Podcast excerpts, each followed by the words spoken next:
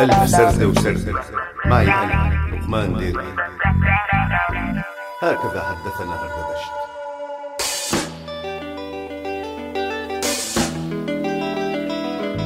قبل الظهر بعد الظهر.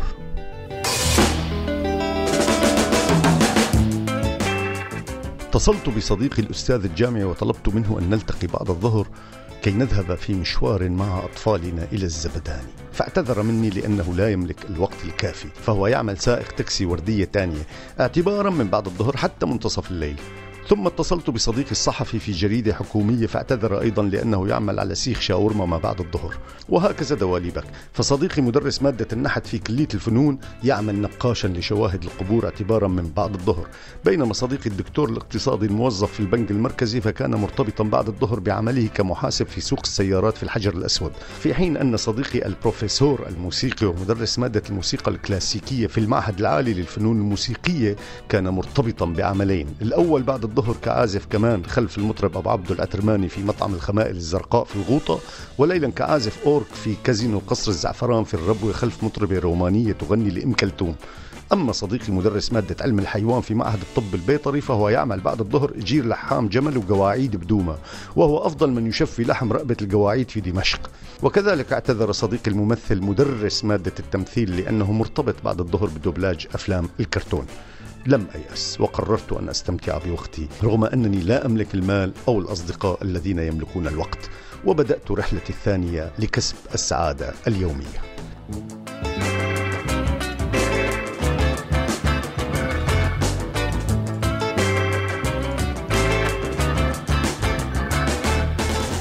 عدت من عملي وأنا لا أعمل طبعا واتصلت بصديقي سائق التاكسي بعد الظهر وصعدت معه مجانا إلى دوما.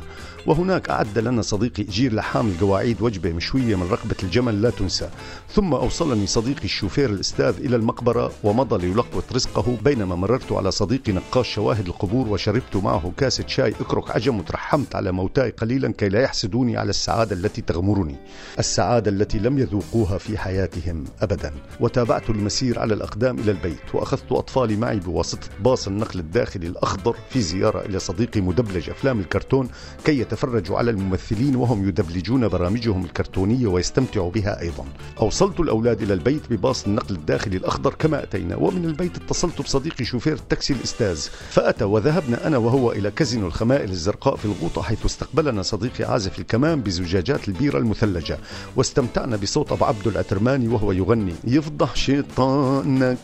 يا عرق دوختي راسي يا عرق وخرجنا بعد ذلك برفقة صديقي عازف الكمان لانتهاء دوامه في هذا الكازينو وأوصلنا صديقي الشوفير الأستاذ إلى صديقي المحاسب في سوق السيارات في الحجر الأسود ومضى يلقط رزقه على التاكسي دوننا. بينما خرجنا أنا وصديقي المحاسب وصديقي عازف الكمان بسيارة مرسيدس استعارة لمدة خمس ساعات باتجاه كازينو قصر الزعفران في الربوة.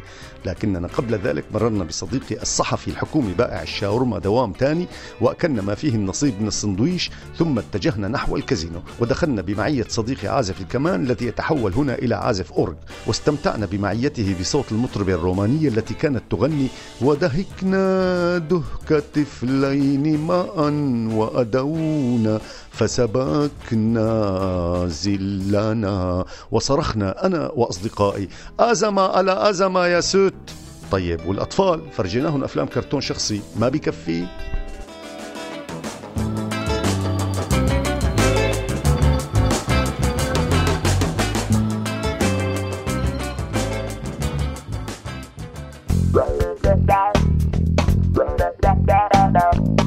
هكذا حدثنا هردبشت